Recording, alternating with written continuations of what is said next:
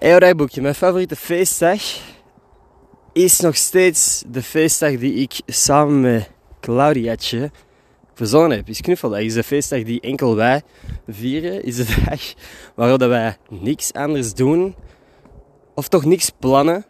En zoveel mogelijk uren gewoon in bed chillen. Zo weinig mogelijk bewegen. gewoon filmpjes checken, weet ik veel wat. En deze zondag, afgelopen, is dat gisteren?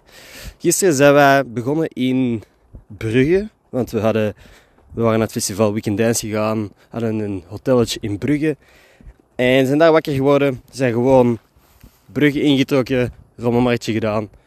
Niks gepland, maar gewoon chill. De dag begonnen.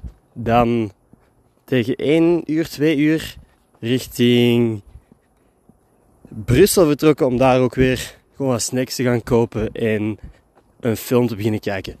De film was by the way shit. Heet Not Okay. Ah, ik bedoel, ik vind die shit. Ik kan gewoon heel slecht tegen van die cringy ass momenten. Dat je zo denkt van what the fuck. Waarom zegt hij dat? En heel die film, het hele concept van die film was dat er een heel cringy persoon was die constant van die dingen zei.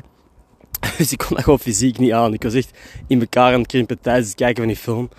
Not okay. Um, de reden dat we dat wouden zien was omdat Dylan O'Brien erin zat. En dat vinden we wel, wel een nice acteur.